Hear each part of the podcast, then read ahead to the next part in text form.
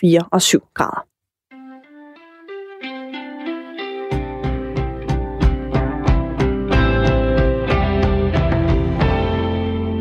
Det var Anne Philipsen med nyhederne, og Kasper Harbo og Jakob Grosen beværter stadig dette studie en uh, lille time endnu her i Radio 4 morgen. Godmorgen, hvis du lige har stået op, og godmorgen også, hvis du har stået op på flere timer siden. Og i og for sig godmorgen under alle omstændigheder. Også hvis du skal på vinterferie i næste uge. Der er mange steder, hvor man holder vinterferie i uge 7. Der er også nogle kommuner, der holder den i uge 8.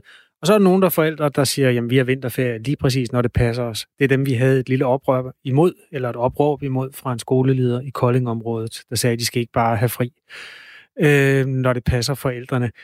Der er en del sms'er på det emne, om det er ok eller ej. Vil du tage en fra hoften? Det vil jeg gerne, der eller fra hylden? lige øh, alle mulige ind her. Mm, selvfølgelig er det i orden. Skole, øh, skole er ikke alt det, Øh, familien, de mister ikke noget ved en uge væk, står der. Ja, det var lidt uklar. Børnene hører først og fremmest til disse Milan, og ikke længere i en skoleklasse. Ej, du, I skal simpelthen bruge noget stavekontrol, folk. Øhm... Som med alting, bare det ikke tager overhånd. Da jeg var lille, havde jeg en kontaktbog med til min klasselærer, hvor min mor havde skrevet et lille bog skal have fri, og så skrev Kjeld tilbage, om det var i orden eller ej. Det var simple tider dengang. Og jeg hedder faktisk Bo. Skriv Bo. Ja, og det er øh, er dejligt, at det er et meget korte navn, som alle kan stave til, det stadig har sin gang på jord. Orlis. Ja, det og Ib øh, er heller ikke rigtig tilbage nu. Vi, vi går videre i stakken af sms'er lidt senere. Jeg tror lige, vi skal køre dem med en lille... Lægger dem ind i et Word-dokument, og så laver vi en F7 på dem. Stavekontrollen, ikke? God idé. Og så kan vi i mellemtiden vende tilbage til en anden historie, der har været øh, op og vende tidligere her i Radio 4 morgen. Fordi i sidste uge, der præsenterede regeringen en ny aftale, der skal skræmme de aggressive boligspekulanter ud af byerne. Boligspekulanter, det er sådan nogen som for eksempel Blackstone, der har tjent en masse penge på at købe og renovere ejendommen, og så derefter sætte lejen kraftigt op. Og dem, øh, der er klar til at gøre op med den praksis, det er regeringen, altså Socialdemokraterne, så er det Dansk Folkeparti og SF og Enhedslisten og Alternativet. Det var kalkuleret, at det her det ville medføre et lille værditab for dem, der ejer andelsboliger, især i København, øh, hvor øh, stigningerne også er størst. Men ifølge beregninger fra blandt andet Nordea og Jyske Bank, så er det ikke bare et lille tab på 3-8 procent, som det blev anslået, men et øh, værditab på 15 procent, som det her politiske øh, indgriben kommer til at betyde. Godmorgen til Rosa Lund. Godmorgen. Medlem af Boligudvalget og folketingsmedlem fra Enhedslisten. Hvordan hænger det sammen øh, med jeres ambitioner, at øh, værdien af de her boliger ser ud til at falde med 15 procent? Jamen, det er jo ikke værdien af boligerne, der falder. Det er Jyske Bank og, som jeg har forstået det, også Nordea, som ændrer deres praksis. Altså, de går simpelthen ind og siger, at det er deres vurdering. Men i aftalen ligger der en fastfrysning af, af valuarvurderingerne. Det vil sige, det andelsboligerne er valueret til, altså er værdisat til. Så det er sådan set noget, som bankerne går ind og gør. Det er ikke noget, som er en del af aftalen. Og i Danmark, så er det jo sådan, at bankerne ikke er reguleret i så høj grad, så derfor så kan de faktisk gøre det. Men der skal jeg lige forstå det rigtigt. Kan du så garantere en, der købte en andelsbolig til 2 millioner i går, at øh, vedkommende også kan få 2 millioner for den næste år? Jamen, det kommer jo an på, hvad for en bank øh, vedkommende har. Altså, hvilken bank vedkommende har taget sin, sit andelsboliglån i. Og oh, men det er jo nogle markedskræfter, bank, der, det er markedskræfter, der det, vurderer, det, hvad, hvad en... Øh, så har de jo ændret deres praksis. Det er jo ikke bankerne, der vurderer, hvor meget en lejlighed er værd. Det er valuar. Mm, men i den sidste ende er det jo en køber, der bestemmer. Ja, hvor meget man vil give, det er fuldstændig rigtigt. Men igen, det er ikke Jyske Bank eller Nordea, der bestemmer, hvor meget lejlighederne er værd. Lad os prøve at holde fast i, om, altså, hvis nu, at I har anslået, at de taber 3-8 procent i værdi. Det er rigtigt nok, ikke? Jo. Jyske Bank har anslået, at det er 15 procent. Hvis nu en, et menneske ender med at tabe 15 procent, fordi at lejligheden simpelthen ikke kan sælges til den der 15 procent, altså at den, den pris, der handles til efter et år er, er 15 procent lavere. Hvordan vil, hvad vil det betyde for dig, hvis det viser sig at være fakta? Jamen, altså for, for aftalen? Mm. Jamen, øh, vi har jo skrevet ind i aftalen, at hvis øh, det stikker helt af, både på andelsmarkedet og på lejemarkedet sådan set, det synes jeg er vigtigt, det, det handler om lejerne det her, jamen så, øh, hvad hedder det, øh, så evaluerer, evaluerer vi aftalen om to år. Men jeg synes, det er vigtigt at holde fast i, at det ikke er Jyske Bank, der bestemmer, hvor meget en lejlighed er værd. Så hvis man har købt en andelslejlighed i går, og at man har... Hallo? Ja, hallo? Hallo? Ej, du Mille. Kan du ikke høre os? Jo, men I siger hallo, hallo, mens jeg snakker. det, det gør vi simpelthen ikke, men det kan være, at du får en anden linje ind i øret. Det må du undskylde, hvis det er det, der foregår.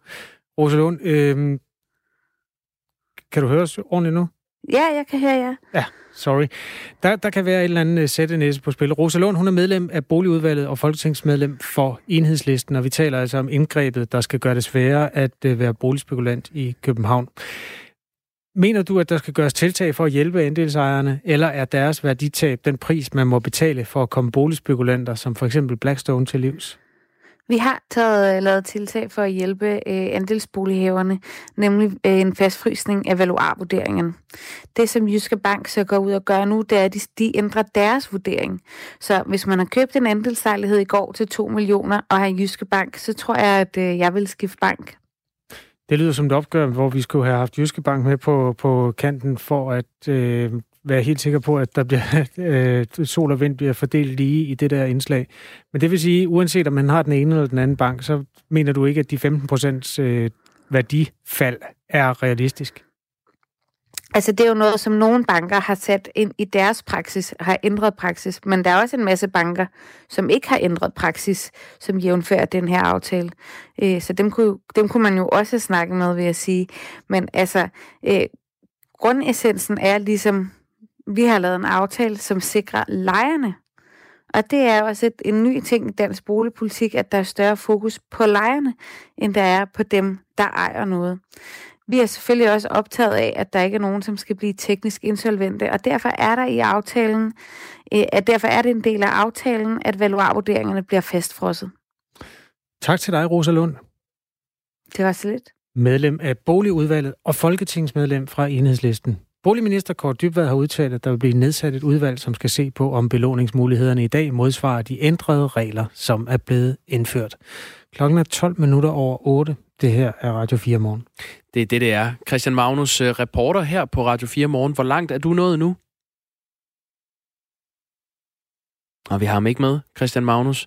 Vi har sendt øh, i anledning af, at det i går blev øh, offentliggjort, hvor de tre øh, danske Tour de France-etapper skal køres næste år, så har vi sendt øh, Christian Magnus afsted for at tale med folk på vejen på den her tredje etape fra Vejle til Sønderborg og høre om øh, de deler den begejstring, som landets borgmestre har for øh, Tour de France. Og øh, jeg ved ikke, om vi kan sige øh, hej til Christian Magnus nu. Hej Christian Magnus. Det kan I. Det var godt. Hvor langt er du nået nu?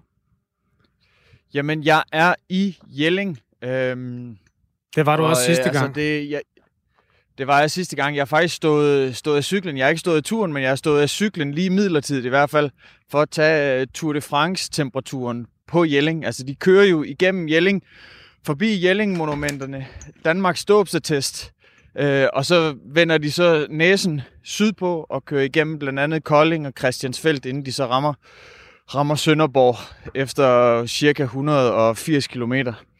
Og jeg kan se, der er nogen her, de er i gang med at lægge brosten skal vi lige høre om, hvad de siger til turen, om de glæder sig.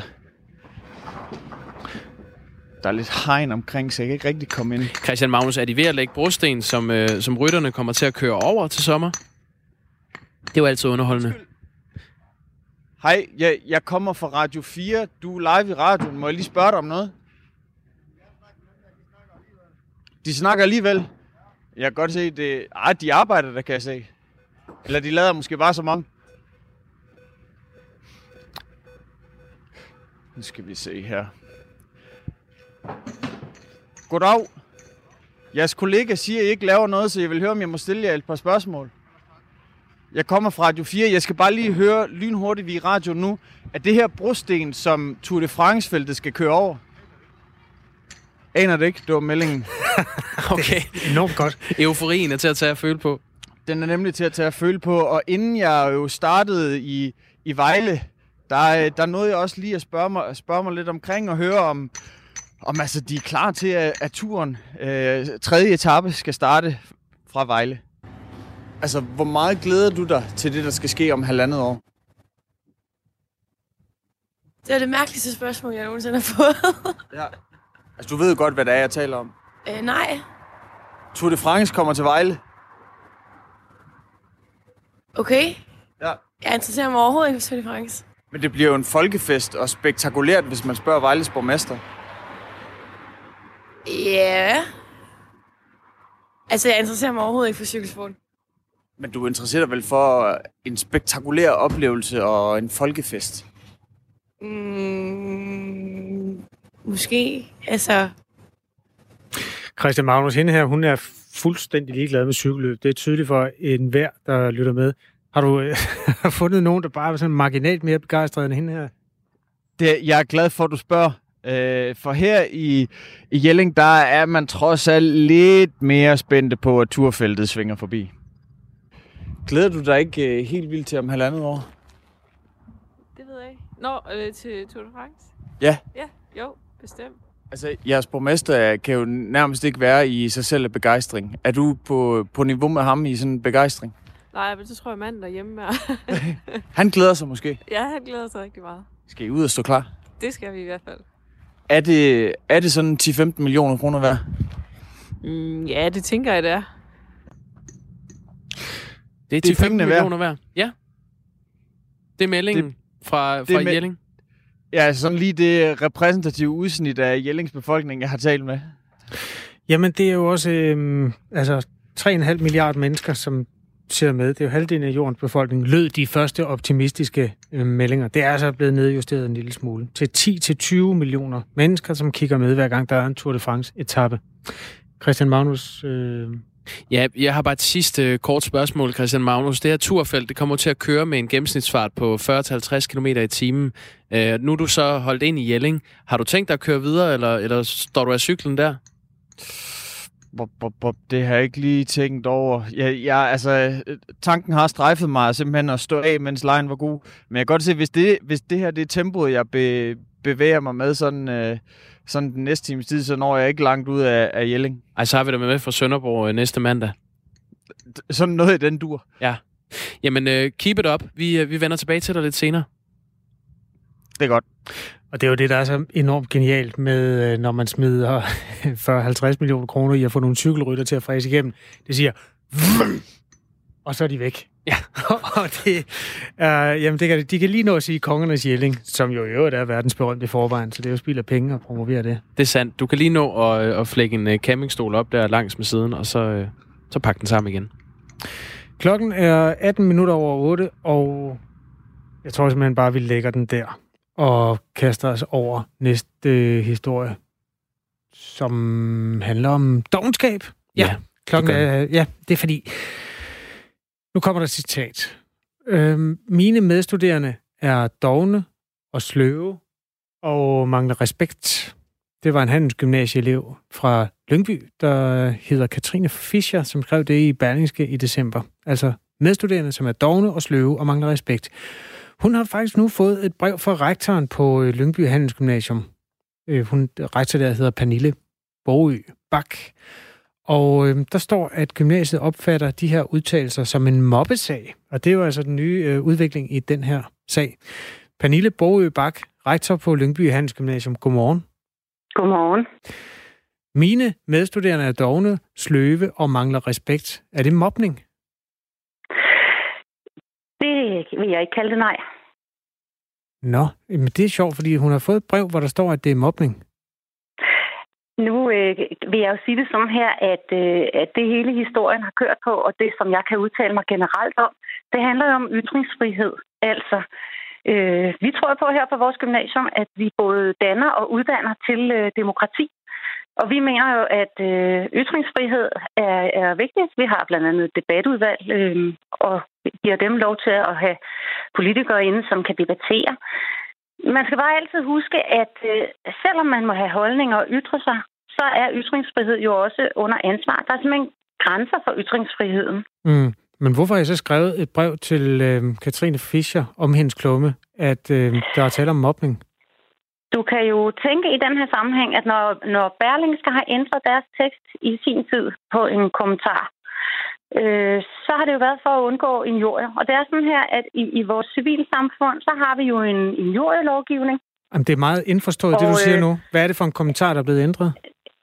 Hvis du har set den artikel, som, som øh, man, man kan sige, som det handler om det her, mm. så, øh, så vil du være opmærksom på, at Berlingske faktisk har ændret teksten. Og det er sådan, det er ikke at... alle, det er ikke alle lytterne, der er med så langt. Så vil du ikke forklare sådan helt øh, i detalje? Nej, det vil jeg ikke, for jeg kan ikke gå ind i den enkelte sag. Jeg kan lave en fuldstændig generel øh, betragtning ud fra det her, der handler om, at, øh, som jeg siger, vi har ytringsfrihed under ansvar. Aha. Og når vi har det under ansvar, så har vi det på den måde, at civilsamfundet har en injurielovgivning. På skolerne har vi nogle øh, regler, blandt andet for mobning, og derfor så er vi jo selvfølgelig nødt til at, og, øh, at tage de hensyn, der skal. Vi skal tage vare på alle vores elever. Og, og det har I så gjort ved at sende et brev til øh, Katrine Fischer her om, at I betragter hendes udtalelse som en mobbesag. Jeg tænker, at øh, lige præcis i en sag, hvor man kan være øh, bekymret for en jord, så vil man jo altid, øh, som man kan se, Berlingske har ændret noget. Og det tænker jeg, at når Berlingske har ændret deres oprindelige tekst, så er det for at undgå en jord. Og jeg kan, jeg, det er det, jeg sådan set har at sige til det. Pernille Boge Bak, hvor, hvor går grænsen for, for ytringsfriheden så for dig? Ytringsfriheden går under ansvar. Øhm, Berlingske skriver i sin artikel, eller under sin artikel, at denne kommentar er blevet rettet for at sikre, at den elev, der kritiseres, ikke kan identificeres. Mm. Men I Man fandt ud af, hvem hun var? have en holdning og en bredde i sine meninger. Men, men vi har også et ansvar for det, det enkelte individ. I den skriftlige advarsel... Det gælder generelt. Ja. I den skriftlige advarsel, I har sendt til Katrine Fischer, der skriver I, skolen giver dig en skriftlig advarsel og en betinget sanktion om, at uh, skulle du igen overtræde skolens regler vedrørende respekt for dine medstuderende, så ser vi, der nød, ser vi os nødsaget til at iværksætte skrappere sanktioner. Hvilke sanktioner kunne ramme øh, Katrine Fischer eller en anden, jeg som... Jeg i den enkelte Nej, naturligvis, men øh, lad os tage det principielt. Hvis nu en, som var ligesom Katrine Fischer, gjorde det to gange, hvad ville der så ske? Jeg har den holdning, som jeg har sagt til dig før. Der er nogle regler for, at øh, vi skal varetage alles interesser øh, i det, vi kalder mobning osv., lige så vel som man har nogle injurieregler. Det er det, jeg må forholde mig til. Mm-hmm. Altså injurier, kan jeg, du give et eksempel? Jeg svare på det samme igen, så jeg tænker ja. lidt, øh, ja. Jeg ja. har ikke mere at sige til det, Nej. end det. Okay. Mm. Kan, du, kan du nævne, hvor reglerne, eller hvor grænsen går for injurier? Så hvornår det går fra at være en mening til at være direkte injurier? Jeg tænker, at Berlingske i hvert fald har overvejet det, eftersom de har rettet i deres tekst. Mm. Okay. Øhm, hun skrev jo blandt andet i sin klumme, måske er jeg blot en egoistisk pige, der bør koncentrere mig om min eget, men det irriterer mig, at der skal bruge så mange ekstra ressourcer på elever, der ikke gider. Det, det er bare for at slå fast til den sidste gang. Er, er det det, der er mobning? Men jeg har ingen kommentar til den aktuelle sag. Nej. Jeg har en generel kommentar. Okay. Jamen, ja. tak for den generelle kommentar, Pernille Borge Bak. Selv tak rektor på Lyngby Handelsgymnasium, som altså er øh, skueplads for den her diskussion om øh, ytringsfrihed og hvorvidt man må udstille sine medstuderende som dogens løve om respektløse, som øh, den her elev altså har gjort i en klumme i Berlingske. Vi talte, øh, Kasper, hvis jeg må springe lidt fra gymnasiet til, øh, til folkeskolen, så talte vi med en skoleleder tidligere i dag, som har været ude med en kritik af, at forældre i for høj grad tager, skole, øh, tager deres børn ud af skolen uden for ferierne. Mm. Altså tager på skiferie i uge 9 i stedet for i uge 7. Pia Rasmussen har skrevet ind til os. Nogen vil sige, frihed under eget ansvar, det er så moderne. Ja, også rigtig fornuftigt, hvis det bliver brugt fornuftigt. Det gør det bare ikke. Forældre kan ikke styre det, hvilket også er meget forståeligt, fordi priserne er kunstigt presset op i skoleferierne. I stedet skulle man måske have fokus på rejseselskaberne, som burde udbyde ferie til skoleramte forældre. Det er desværre økonomi, det i bund og grund handler om. Ja, det er jo i hvert fald et synspunkt. Der er nok ikke nogen tvivl om, at ferier er dyrere i de uger, hvor der er mange, der vil afsted, end i de uger, hvor der ikke er så mange, der tager afsted. Så hvis du skulle tage, hvad er det nu, din datter hedder? Elinor. Elinor, og øh, din smukke øh, kone med på en... Nu er hun jo så ikke skolebarn, så det er et dumt eksempel. Jamen, det er fremragende. Bare fortsæt. Jeg synes, hvis I skulle tage på safari, så ville I jo nok gøre det i uge 8 til 11 eller sådan noget, hvor, eller 9 til 13 eller et eller andet. Åh, oh, det kunne være lækkert, ja. Ja, og det er så spørgsmålet, er det... Er jeg det tror rejse... ikke, de klager nede i vuggestuen. Jeg tror, de har andre børn at, at kigge på. Du får bøvl med mig, hvis du gør det, men det, det principielle spørgsmål er altså i virkeligheden, er det rejseselskaberne, der er skyld i, at øh, du er nødt til at tage afsted i uge 9 til 11? Mm. Ja. Det er spørgsmålet. Men Kasper, må jeg ikke lige bygge en bro her? Jo, det må du. Hvis du, øh, hvis du er ude at rejse, så kan det jo være, at du har taget nogle videoer. For eksempel på skiferie, det gør man jo. Mm. Og så kan man uploade dem i en cloud, i en sky, hvor man kan have dem liggende øh, arkiveret. Og der er noget, der hedder Google Photos. Bruger du det? Det er en sky, hvor du kan lægge øh, videoer og billeder op. Altså nu snakker vi, nu starter der en ny historie her. Jeg starter en ny historie. Jeg bygger en bro til en anden historie. Der kommer lige den her. Klokken er 8.25, der starter nu en ny historie. Kasper, bruger du Google Photos? Nej, det gør Nej, jeg faktisk det gør ikke. du ikke. Det skal du være glad for. Øh, det her Google Photos, som jeg sagde lige før i den anden historie, ja. så er det en uh, tjeneste, hvor man kan gemme sine billeder og videoer i en sky, hvor man så kan have dem som sådan et arkiv. Ja. Og der kan du have uendeligt uh, mange videoer og, og billeder. Uendeligt mange, altså modsat uh, Apples iCloud og sådan noget, hvor man ja. ikke kan... Det ved jeg ikke. Hvad er uendeligt? Er universet uendeligt? ja, det tror jeg faktisk, Du kan i hvert fald rigtig mange, og jeg tror, det, det kommer lidt an på, hvad du betaler for den her tjeneste. Okay, Nå. så er vi fremme med det. Google har sendt en rimelig nonchalant mail til uh, x antal brugere, der bruger det her Google Photos. Det handler om en fejl, der er sket mellem den 21. og 25. november sidste år. Det hedder uh, Google Takeout Service, som lader brugere downloade deres data. Og den service, som vedrører folk, der bruger Google Photos, har været berørt af et teknisk problem, hedder det den her mail. Mm-hmm. Brugere har fået en mail med et hello, efterfulgt af lidt tekst om et teknisk problem. Og så lidt nede i teksten, der står der, desværre blev nogle videoer i denne periode eksporteret forkert til ikke-relaterede brugers arkiver. En eller flere videoer på din konto blev påvirket af dette problem. Sagt på en anden måde, vi har sendt alle dine billeder til Nigeria. Vi har sendt dine frække videoer til andre brugere. Nå, på den måde? Ja. Jamen, det er da så... sådan set hyggeligt nok. Synes du? Ja, det kommer jo lidt an på, hvem de er selvfølgelig. Kan man ja, sige. hvad det er, der er på videoerne. Ja. Er der nogen, der er utilfreds? Øh, ja, ja, det er der. Der er folk, der deler det på Twitter. Men, øh, men Google skriver nemlig ikke, hvor mange brugere, der er berørt af det, eller hvor mange videoer hver enkelt bruger. De skriver bare en eller flere videoer, du har haft at komme med en fejl, komme over i en andens bibliotek. Og det er altså det, der er sket. Øh, nyhedsmediet 9 to 5 Google, de erfarer, at øh, det er 0,01% af brugerne eller mindre, der har downloadet de her data, som er blevet berørt.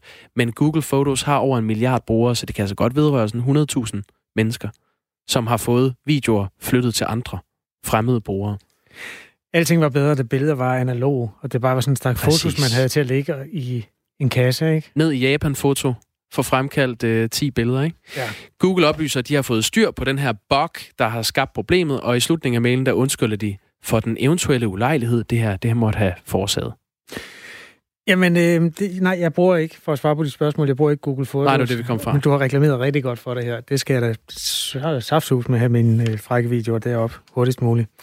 Det her det er Radio 4 morgen, hvor klokken er 8.28, og jeg tror, vi skal have et par minutters nyhedsoverblik med nyhedsverden Anne Philipsen.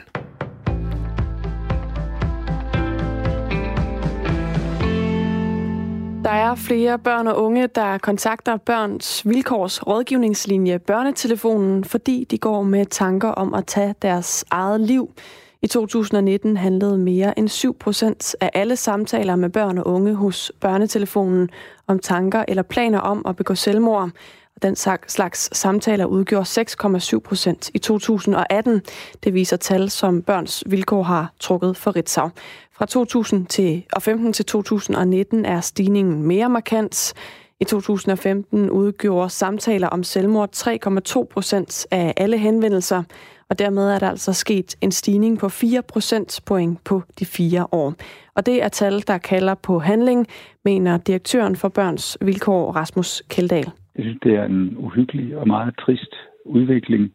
Øh, det viser klart, at øh, det her samfund øh, er svært at leve i for mange børn og unge, og det er i stigende grad svært at leve i, så det er jo et kraftigt signal til, til os voksne om, at vi skal prøve at ændre samfundet, sådan at det bliver mere menneskeligt, og det understøtter gode fællesskaber for børn og unge, for vi ved, det er noget af det, som er allervigtigst øh, for at forhindre tanker om, om selvmord, depression og selvskade, som, som ofte er en cocktail, der følges ad. Annette Erlangsen, der er seniorforsker hos Dansk Forskningsinstitut for Selvmordsforebyggelse, forklarer, at der i de senere år har været mindre stigmatisering omkring selvmordstanker, og det kan ikke udelukkes, at det har indflydelse på, at der også er flere, der søger hjælp. Men hun mener stadig, at det her det er en markant stigning, siger hun. Sundhedsminister Magnus Heunicke deler bekymringen, og derfor så vil der i regeringens 10-årsplan for psykiatrien også være et særskilt spor, der drejer sig om selvmordsforbyggelse, siger han. Hvis du eller nogen du kender går med selvmordstanker, så kan man få hjælp ved at ringe til livslinjen på telefonnummer 70 201 201. Ingen eller meget få passagerer kommer gennem sikkerhedskontrollen i Københavns Lufthavn her til morgen. Lufthavnsvagterne har nemlig nedlagt arbejdet, det oplyser deres fagforening til TV2. Arbejdsnedlæggelsen skyldes ifølge faglig sekretær Ole Thyesen fra Vagt- og Sikkerhedsfunktionærernes fagforening, at 12 ansatte er blevet fyret på usagligt grundlag, siger hun. Pressechef for Københavns Lufthavn Kenny Letts oplyser til TV2, at man vil forsøge at holde enkelte spor i sikkerhedskontrollen åbne, men passagererne skal forvente store forsinkelser, forsinkelser, siger han. Jeg kan bekræfte, at der i øjeblikket er en overenskomststridig arbejdsnedlæggelse, siger han til TV2. Hverken Københavns Lufthavn eller vagternes fagforening kan fortælle, hvor lang tid der går, før at passagererne kan komme igennem kontrollen, og hvorvidt situationen har betydning for flydriften og kan føre til aflysninger og afgange fra Københavns Lufthavn, det er stadig uvist. Statsminister Mette Frederiksen vil omrokere på landets øverste politimyndighed. Det skal give færre ansatte i Rigspolitiet, men mere politi på gaden. Ifølge Mette Frederiksen, så skal Rigspolitiet slankes, sådan så op mod 900 af Rigspolitiets i alt omkring 2.000 stillinger bliver berørt. I stedet så vil hun have 20 ekstra nærpolitistationer.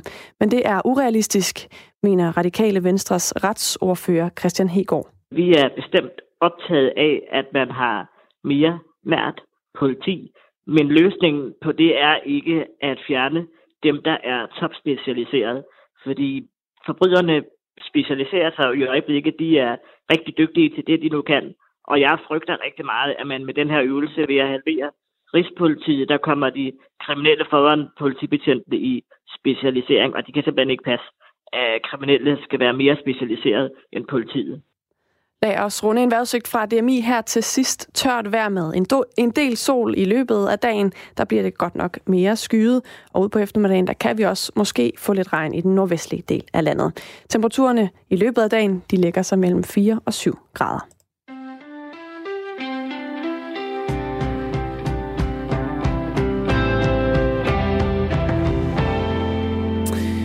Anne Philipsen har nyhederne her til morgen, og Kasper Harbo og Jakob Grosen står stadig her i Radio 4 morgenstudiet.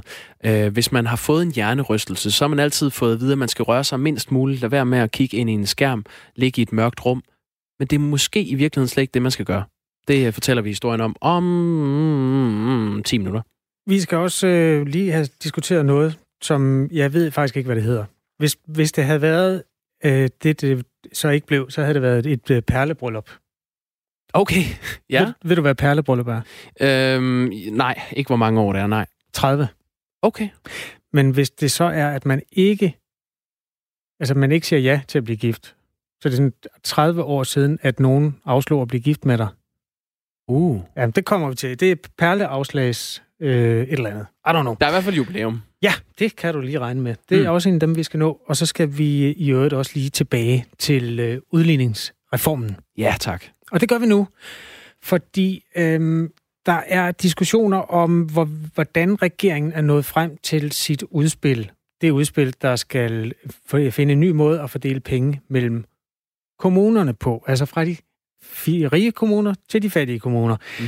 Flere borgmester spørger regeringen efter torsdagen, øh, efter de torsdags fremlagde deres bud på en ny kommunal udligning, hvordan øh, pengene skal fordeles mellem kommunerne, hvordan det hele egentlig er regnet ud. Og det er den historie, vi skal ombord i nu sammen med Christian Rabjerg Madsen, der er folketingsmedlem og kommunal udligningsordfører for Socialdemokraterne. Godmorgen. Godmorgen. Christian Rabjerg Madsen, vi hører øh, flere ytre, at de synes, det er svært at regne ud, hvordan I har regnet ud, hvilke kommuner, der skal have hvad. Øh, en af jeres partifælder, øh, Kattemindes Kasper Olesen, kaldte det i går for kinesiske tilstande, at de ikke må se beregningerne bag udspillet til udligningsreformen. Hvorfor er de et, ikke offentlige? I øjeblikket så har vi jo indledt et forhandlingsforløb med alle partier på Christiansborg. Vi har taget en, en række møder øh, i går bilateralt med partierne og skal, skal fortsætte med det i dag. Og det er jo på, på Christiansborg, øh, hvor forhandlingerne om udligning øh, foregår, øh, og ikke øh, med kommunerne. Øh, og derfor så er der stadigvæk nogle, nogle oplysninger, øh, som, som vi kun deler øh, i forhandlingerne, og som, og som hører til på, på øh, forhandlingsbordet. Øh, jeg synes, at øh, man skal se på, at det vi har lagt frem, det er resultatet. Det vil sige, at man kan meget klart se, øh, hvilke kommuner, der øh, skal udlignes mere, og hvilke kommuner, som, som øh, får, får flere penge som konsekvens af vores udligningsreform. Og så har vi lagt øh, vores udspil frem, sådan så man kan se, hvilke parametre det er, vi ønsker at ændre, og hvordan det er, vi, vi udligner. Hvis man kigger på den tidligere regering, der var igennem samme øvelse, så fremlagde de øh, ingen tal. De fremlagde kun øh, ekspertkommissionens øh, forskellige modeller. Så jeg synes, der er sådan en, en lidt øh, mere vil have mere øh, logik over det her. Vi har sådan set fremlagt øh, væsentligt mere, end, end det, der tidligere har været tradition for. Men hvad kunne der ske ved, at de kendte... Altså, det er formentlig en matematisk ligning, som I har, og det er derfor, I nåede frem til et tal, som de så har fået. Altså, hvad vil der ske ved, at de fik det tal, eller den ligning, undskyld, altså fik forudsætningerne for deres beregning? Jamen, det handler simpelthen om, at vi er i gang med nogle øh, fortrolige forhandlinger øh, med partierne, og vi har ikke endnu øh, talt med alle partier, og derfor så øh, har vi heller ikke lagt, lagt alt øh, materiale frem, og vi må jo tage... Men prøv at høre, hvad kan der ske ved, at de ser de, den måde, som man beregner det på? Hvad vil være det værste, der kunne ske ved det? Jamen, det er et spørgsmål om, at vi er i gang med øh, forhandlinger. Og, Jamen, det har du sagt, men hvad kunne der ske ved det? Alt frem. Hvad, hvad kunne Undskyld. der ske? Jamen, det, det jeg ikke forstår, det er, hvad, hvad er det værste, der kan ske ved, at en det, der i den sidste ende er en matematisk ligning, den bliver kendt af alle dem, der både altså, er en del af forhandlingerne, og så dem, som i en eller anden grad er, er i den anden ende, altså som, som er parter i sagen. Hvad vil der ske ved, at de kendte den matematiske ligning? Hvad er det værste, der kunne ske ved det? Jamen, jeg har som ikke, øh, jeg har som ikke gjort nogen forskning om, hvad det, det værste, der, der kunne ske ved det er. Øh, men, men jeg forholder mig selvfølgelig til, at vi har nogle, nogle forhandlinger med partierne i øjeblikket på Christiansborg. Ja. Og det er det rimelig uh, almindeligt, at, at der tager man oplysningerne uh, i det omfang, vi kan give dem ved bordet. Og så må vi jo løbende forholde os til, hvad vil vi som regering give partierne i forbindelse med forhandlingerne, og hvad vil vi lægge ud offentligt. Og jeg synes som sagt, at vi har været øh, sammenlignet med, med i hvert fald øh, Venstre, været meget, meget åbne i forhold til, hvad mener vi, og hvad er det for nogle parametre, vi har lagt frem? Hvordan vil vi gerne skabe et mere retfærdigt Danmark, et Danmark, som er i bedre balance? Ja, altså der er jo delt mening om, hvor, hvor åbent det er foregået det her. Og det, Steffen Damsgaard fra Landdistrikternes Fællesråd, han brugte udtrykket nordkoreanske tilstande. Han hævdede ovenikøbet, at han har været i Nordkorea, så han ved, hvad han taler om.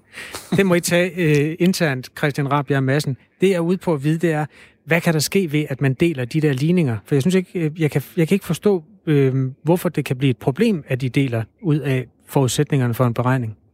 Nej, altså igen, så hvis det er nordkoreanske altså, tilstande, så, så ved jeg ikke, hvad han vil øh, betegne øh, Venstres øh, forløb som. Altså igen, det, det afgørende her, det er jo, hvordan ser vi tingene? Hvordan vil vi gerne sikre, at vi får et land, der hænger bedre sammen? Øh, hvordan vil vi gerne øh, sikre, at der også i øh, tyndbefolkede kommuner øh, bliver et, et ordentligt velfærdsniveau. Det har vi sådan set lagt frem. Vi har lagt vores parametre frem, vi har lagt vores udspil frem, og vi har lagt øh, tal frem på, hvordan de forskellige kommuner bliver øh, berørt. Så jeg synes, vi spiller med, med meget åbne, åbne kort, men jeg tror også, kommunerne må have respekt for, at vi forhandler ikke udligning med dem. Øh, vi forhandler udligning på Christiansborg med partierne. Og derfor så, så er det øh, ved øh, forhandlingsbordet, at, at, øh, at oplysningerne ligger øh, pt.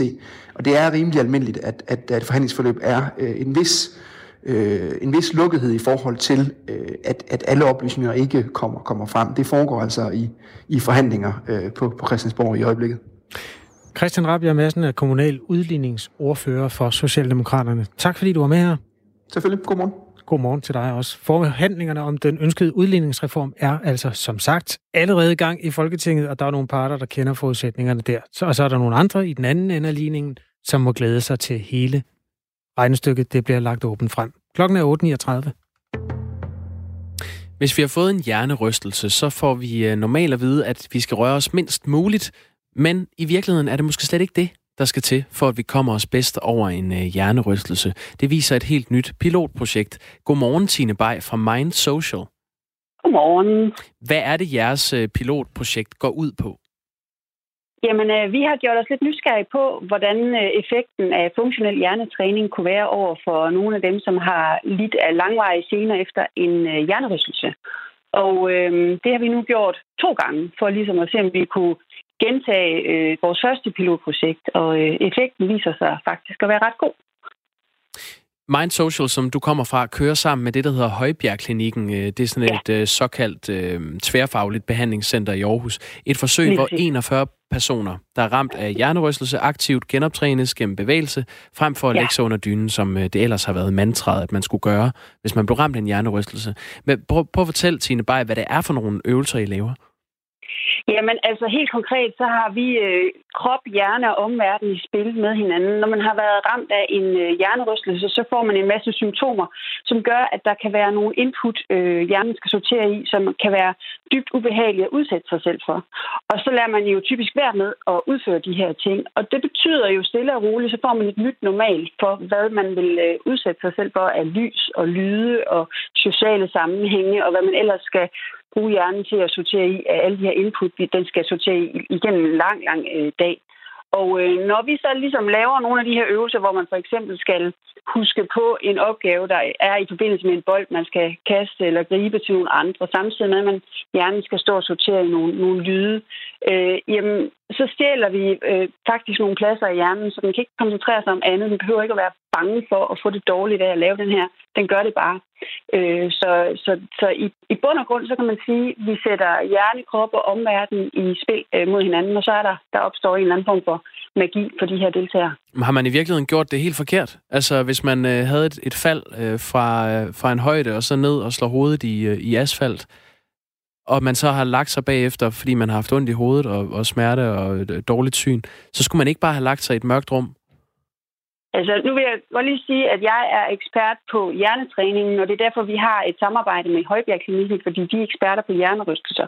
Men jeg har øh, hørt og har også selv læst, at øh, faktisk så, så er man gået helt ned til at sige, at mellem 24 og 48 timer, der er det rigtig fint at holde sig meget i ro, og derefter, så må man gerne stille og roligt, meget balanceret begynde at, at udsætte øh, hjernen for en lille smule stimuli igen. Øhm, man kan jo sige, at hjernen har slået sig, skal lige have lov at, at lige hvile sig en lille smule. Øh, de mennesker, vi har haft til at deltage, de har alle sammen haft hjernerystelser eller gener fra hjernerystelser, øh, som er sket for mere end et halvt år siden, og nogle af dem endda helt op til 15 år. Så det, dem, vi ligesom har haft fat i, det er nogle af dem, som har haft nogle af de her rigtig langvarige gener, og har svært ved at komme tilbage på arbejdsmarkedet igen. Og øh, de har altså fået, fået hjælp til at komme videre i deres liv øh, af det her. Så et eller andet er der jo om det. Og det er altså et pilotprojekt, hvor I har haft 41 personer igennem øh, aktiv genoptræning, ja. efter de har haft øh, de her langvarige øh, bivirkninger eller øh, smerter efter hjernerystelse. Lige øhm, præcis. Tak skal du have, Tine Bay fra Mind Social. Jamen, øh, velbekomme, og skulle være en anden gang. Det kunne være. Og I har altså lavet et øh, pilotprojekt i Aarhus, hvor man har gode erfaringer med at træne hjernerystelser væk. Den 20. februar 2019, det er lige knap et år siden, der holdt børne- og ungdomsudvalget i Københavns Kommune sit årlige budgetmøde. Det foregik på Kongebøl Borup Gård i Nordsjælland. Der var 21 deltagere med, og det kostede godt 50.000 kroner, altså penge, der blev brugt på danskvand og kuglepinde, overnatning og vin. Det viser en aktindsigt, som Ekstrabladet har fået. Budgetmødet handlede blandt andet om besparelser i kommunen. Så altså for eksempel stop for gaver til ansatte i øh, skoler og daginstitutioner. Det var i hvert fald en af de ting, som er blevet sparet på i Københavns Kommune. Tidligere her på morgen, der talte vi med Sofie Seidenfarten, der er socialdemokratisk medlem af Børne- og Ungdomsudvalget i Københavns Borgerrepræsentation. I Børne- og Ungdomsudvalget, der, der holder vi møde øh, cirka 14-15 gange om året. Øh, altså hver tredje uge. Og øh, de allerfleste af vores møder holder vi i vores mødelokale på Rådhuset. Øh, eller også gør vi noget på vores skoler, øh, hvor vi øh, enten får sandwich, eller hvor vi får øh, den skolemad, den ganske glimrende skolemad, som, som børnene får i Københavns Kommune. Øh, og så holder vi to gange om året øh, det, der hedder budgetseminar, øh, hvor vi øh, kigger lidt, lidt længere ud øh, og skal træffe nogle, nogle større beslutninger. Øh, der, der, der tager vi væk fra de, fra de normale rammer. Øh, til hele deres møde. Og de, og de store... I, de I 2019, der gjorde, vi, der gjorde vi det på Commonwealth i, i Snækkersten. Ja, og de store øh, beslutninger, I skulle tage, det handlede blandt andet om øh, besparelser i kommunen. Altså, om man skulle stoppe med at give ansatte i skoler og daginstitutioner gaver.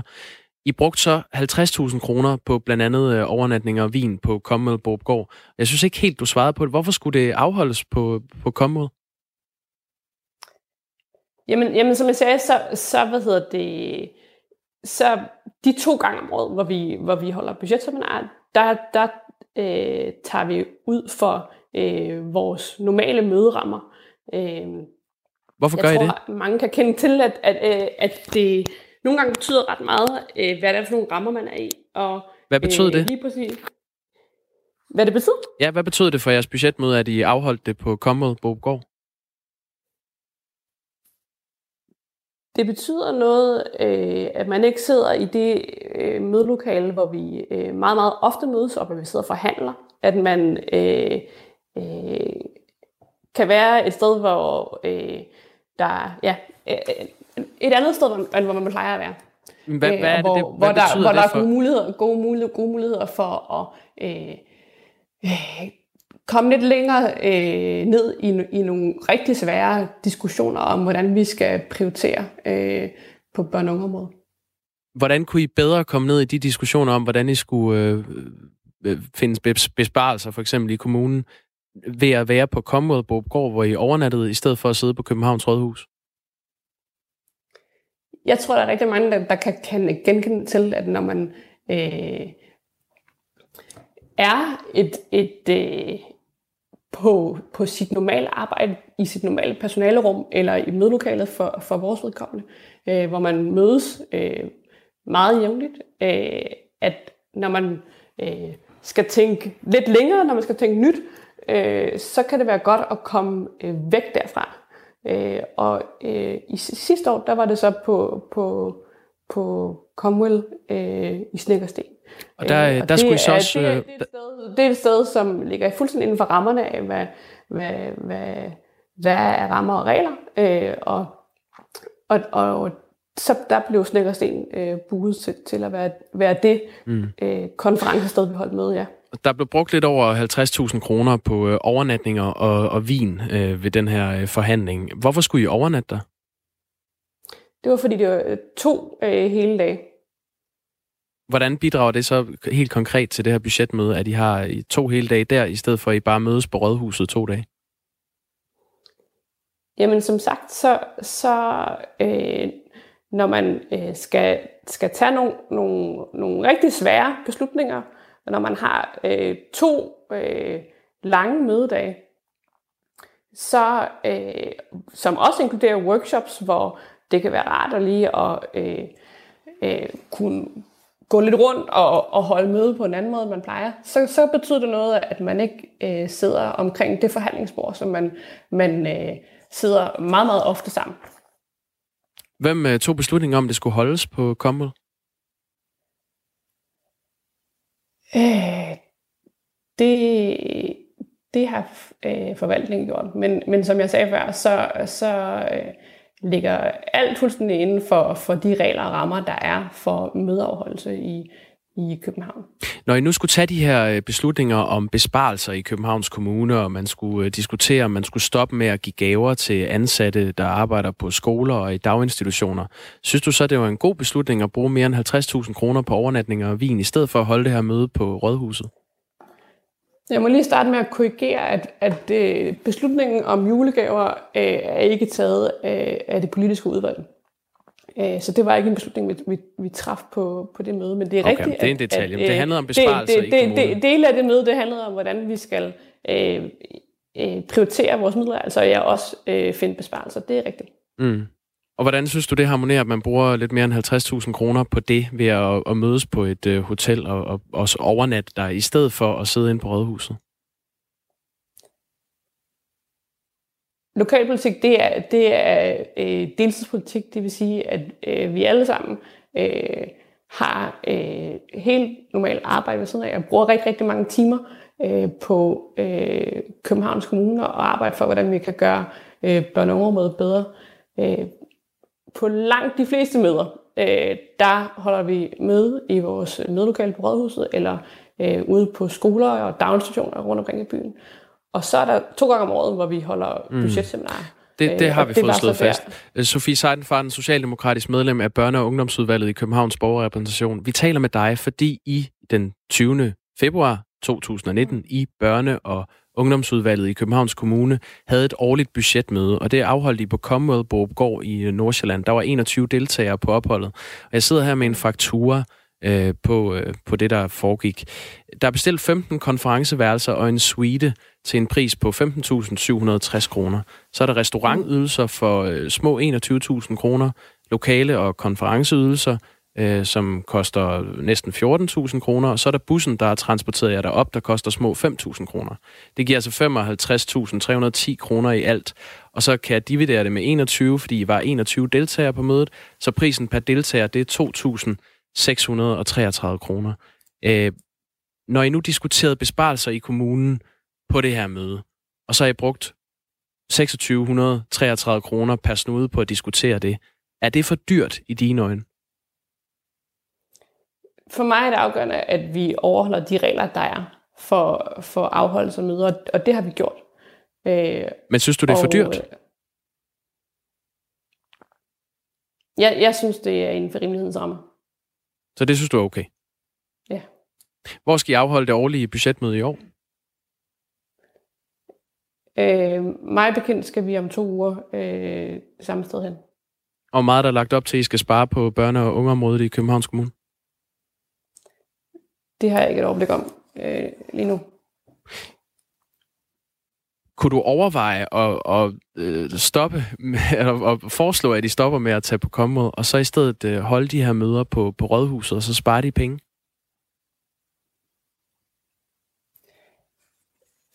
Ja, jeg synes, det er, er, er helt fint at, at, at kunne holde et uh, heldagsmøde, to, to heldagsmøder øh, i et konferencelokal. Øh, og øh, så længe det er inden for øh, de regler og rammer, der er nedsat, så, så, så synes jeg, at det er, er helt fint. Og du har ikke øh, lige nu det fulde overblik over, hvor meget der skal spares på børne- og ungeområdet i, i Københavns Kommune? Nej, det har jeg ikke fortalte Sofie Seidenfarten, socialdemokratisk medlem af børne- og ungeudvalget i Københavns Kommune. Øhm, ja, de regler og rammer, som der er for Københavns Kommune, skal vi måske lige tage med. Det er sådan nogle regnskabsregler, som trådte i kraft efter at det her havde fundet sted. De, faldt, øh, de trådte i kraft 1. oktober sidste år, hvor den der konference, som vi har talt en del om, jamen den udspillede sig så i februar. Men efter hvad vi forstår, så skal øh, hele flokken en tur på Commonwealth Borup i Snækkersten igen. Så det er måske meget praktisk at lige øh, resumere, hvad siger Københavns Kommunes regnskabsregler. De siger sådan her. Interne møder og seminarer og temadage med videre skal så vidt muligt holdes i kommunens lokaler, og forplejningen skal om muligt købes i kommunens kantiner. Og så kommer der et stykke to, hvor der står sådan her. Der er også mulighed for at holde interne møder, seminarer og temadage på lokationer, som kommunen har indgået indkøbsaftale med. Ved interne møder er udgangspunktet, at der ikke ydes forplejning. Har, vi har her til morgen øh, forsøgt at få børne- og ungdomsborgmester Jesper Christensen fra Socialdemokratiet til at svare på, hvad de får ud af at bruge 50.000 kroner på et budgetmøde, men han har ikke vendt tilbage på vores øh, henvendelser her til morgen. Vi har også forsøgt at få flat i flere i øh, børne- og ungdomsudvalgets medlemmer i København her til morgen. Blandt andet har vi snakket med Knud Holt Nielsen og Gorm Anker Gundersen fra Enhedslisten, og ingen af dem har ønsket at stille op. Der er kommet en sms, hvor der står, alle kommuner holder budgetseminar ude af kommunen med overnatning og mad og drikke. Der var også en lidt længere nede, og den er altså, det er fordi, der er sådan et system, når der kommer ny sms ind, så skrider de andre ned i bunden, og jeg kan ikke finde lige nu, men der var en, der spurgte, øh, om vi ikke også gør det på Radio 4, altså tager på hotel en gang imellem. Ja, det kan jeg svare nej til indtil videre i hvert fald. Det er også en meget ung station, vi kan nå at synke til. Nej, men det er faktisk rigtigt. Jeg har heller ikke været på hotel endnu. Nej, men den dag, vi øh, tager på hotel for at diskutere nedskæringer i kommunen, så skal vi nok lave en historie om det selv. Vi var på, hvad det hedder dernede? Barras? Nej, det hedder det ikke. Nå, Espresso House. Nu kigger du Ja. ud af vinduet på Ja. Banegårdspladsen i, øh, i Aarhus. Espresso House, ja, det er rigtigt. Der fik vi en, øh, en kaffe. Og en croissant fik jeg. Det var på chefens regning, eller på radioens regning. Ja, øh, det er selvfølgelig en moralsk diskussion parret med en lille smule praktik, det der. Hvor går grænserne for, hvor mange penge man må bruge på, at der er gode rammer, når man holder et møde. Det er op til den enkelte, og husk, at øh, det er ikke sidste gang, du har hørt sådan en historie i Radio 4. Du er altid velkommen til at diskutere med. Vi når bare ikke at diskutere den færdig her. Jeg skal sige to ting. Jeg skal sige, at øh, Camilla Due, hun kigger på øh, det, der hedder diversitet. En menneskelig diversitet. Altså, hvor mange forskelligheder er der plads til i sportens verden. Der kom, Mangfoldighed. præcis. Ja. Der kom jo den store rapport fra DBU. Ja. Som slog fast, at det var blandt andet en lille smule bøvlet at være homo. I hvert fald, hvis man er mand og prøver at øh, få en fodboldkarriere. Og derfor vil Camilla gerne prøve at finde ud af, hvordan det står til i bred forstand med øh, diversitet og rummelighed i bredde idrætten. Er der plads til både kvinder og mænd i din klub? Er der plads til folk med anden etnisk baggrund? Og er der plads til folk med forskellig seksualitet? Eller øh, måske endnu bedre historie, hvis der ikke er det, og hvis der er eksempler på det. Eller har du prøvet at føle dig udenfor i din sport? Eller set andre stå uden for fællesskabet, fordi de ikke er som gennemsnittet? Øh, så må du meget gerne ringe til Due. Det hedder 72 30 44 44. Telefonnummeret der til. Og det er også inden, der overtager sms-postkassen, når vi slipper den her lige om lidt. Så skriver man R4 og et mellemrum og en besked, og så sender man den til 1424. Hvis man for eksempel har prøvet at føle sig udenfor i sin sport, eller set andre, der står udenfor. Og det kan man i øvrigt altid gøre, når man gerne vil i øh, kontakt med os herinde på Radio 4. Det var den ene ting, Kasper. Du sagde, du havde to ting. Jamen, jeg vil bare lige skynde mig at sige, at det er det der 30-års perle omvendt bryllup. Nej, det var det, du teasede for før, ja. Det er 30 år siden, Tyrkiet fik afslag på at være med i EF. Så det, det er jubilæum for nej. Ja. Ja. Må vi være med, sagde Tyrkiet. Ja. Nej, det må I. Men det tog faktisk to år. Så fik de øh, øh, at vide, at øh, Tyrkiet bliver svær at integrere. Blandt andet var Tyrkiet utrolig øh, dårlige venner med Grækenland omkring noget, der foregik på Kyberen. Mm. Og så var der Mm. nogle andre ting, hvor man mente, at øh, Tyrkiet passede dårligt ind. Ja. Øhm, Og hvad er perspektivet i det i dag? Det er nej for 30 år siden. De har jo Jamen- faktisk stadig ikke fået ja. altså man kan sige, hvis det var to venner, eller endnu bedre sådan et, øh, en, der kurtiserede til hinanden. Ja. En, en kvinde, der kurtiserede til dig, Jacob. Du sagde, nej tak, det bliver ikke et giftermål. Så vil du formentlig ikke have den der varme linje 30 år frem i tiden. Så er der øh, god chance for, at man ringer til politiet inden. Men øh, sådan fungerer det jo ikke med lande. De flytter videre, og Tyrkiets øh, samarbejde, lad os kalde det, med EU, har jo handlet også om at sætte en prop i i forhold til flygtningestrømmen og sådan noget. Mm. Derfor findes der stadigvæk en masse aftaler af forskellige slags mellem EU og Tyrkiet, og hvem der får mest ud af dem, det er, og i øvrigt også er tid til diskussion. I Folketinget, der er der nogen, der synes, at det er verdens fedeste idé at få Tyrkiet ind i EU, og der er også nogen, der synes, at det er verdens mest rådne idé at lukke Tyrkiet ind i EU. Så på den måde er politik ligesom det plejer. Sådan. Christian Magnus, øh, reporter her på Radio 4. Har vi dig med fra et eller andet sted i øh, Jylland? Det har jeg. Jeg er nået til Jenum. Øh, på vej ind mod Vejle igen. Øh, det er sådan en lille bitte by, øh, som nok øh, oftest er en, man kører igennem, og det, og det kommer øh, Tour de France-feltet jo også til her om halvandet års tid. Og jeg ved ikke, altså, der, jeg har stået sådan og luret lidt på, øh, der er en bil, der holder parkeret, lygterne tændt. Jeg går lige hen og tager turtemperaturen her. Jeg gør det. Prøve at se. Jeg kan jo Han sige må- i mellemtiden, være- at det er, det er i anledning af, at det i går blev offentliggjort, hvor de her tre Tour de France-etapper skal køres næste år. Så har vi sendt dig ud på ruten. Jeg ved ikke, om du afviger for ruten lige nu, ved at være til, tilbage mod Vejle. Goddag, jeg hedder, jeg hedder Christian. Vi er i radioen, Radio 4. Er, er du her fra Jenum? Nej. Nej? Jeg er fra Jelling. Du er fra Jelling? Så er du, så er du en af de uh, mennesker, der bliver begunstiget med en fantastisk, uh, en fantastisk spektakulært hændelse her om halvandet års tid. Ved du, hvad jeg taler om? Ja, det er vel Tour de France. Glæder du dig lige så meget som uh, Vejles borgmester? Øh, jeg ved ikke engang, om jeg er hjemme den dag, de kommer, men det er da sikkert fint for byen. De kommer forbi øh, kirken og, og øh, kongernes Jelling og sådan noget. Du er ikke bange for at blive spærret inde, når de kører, ruller forbi? Det har jeg egentlig ikke tænkt over. På en skala fra 1 til 10, hvor ligger vi hen i begejstring?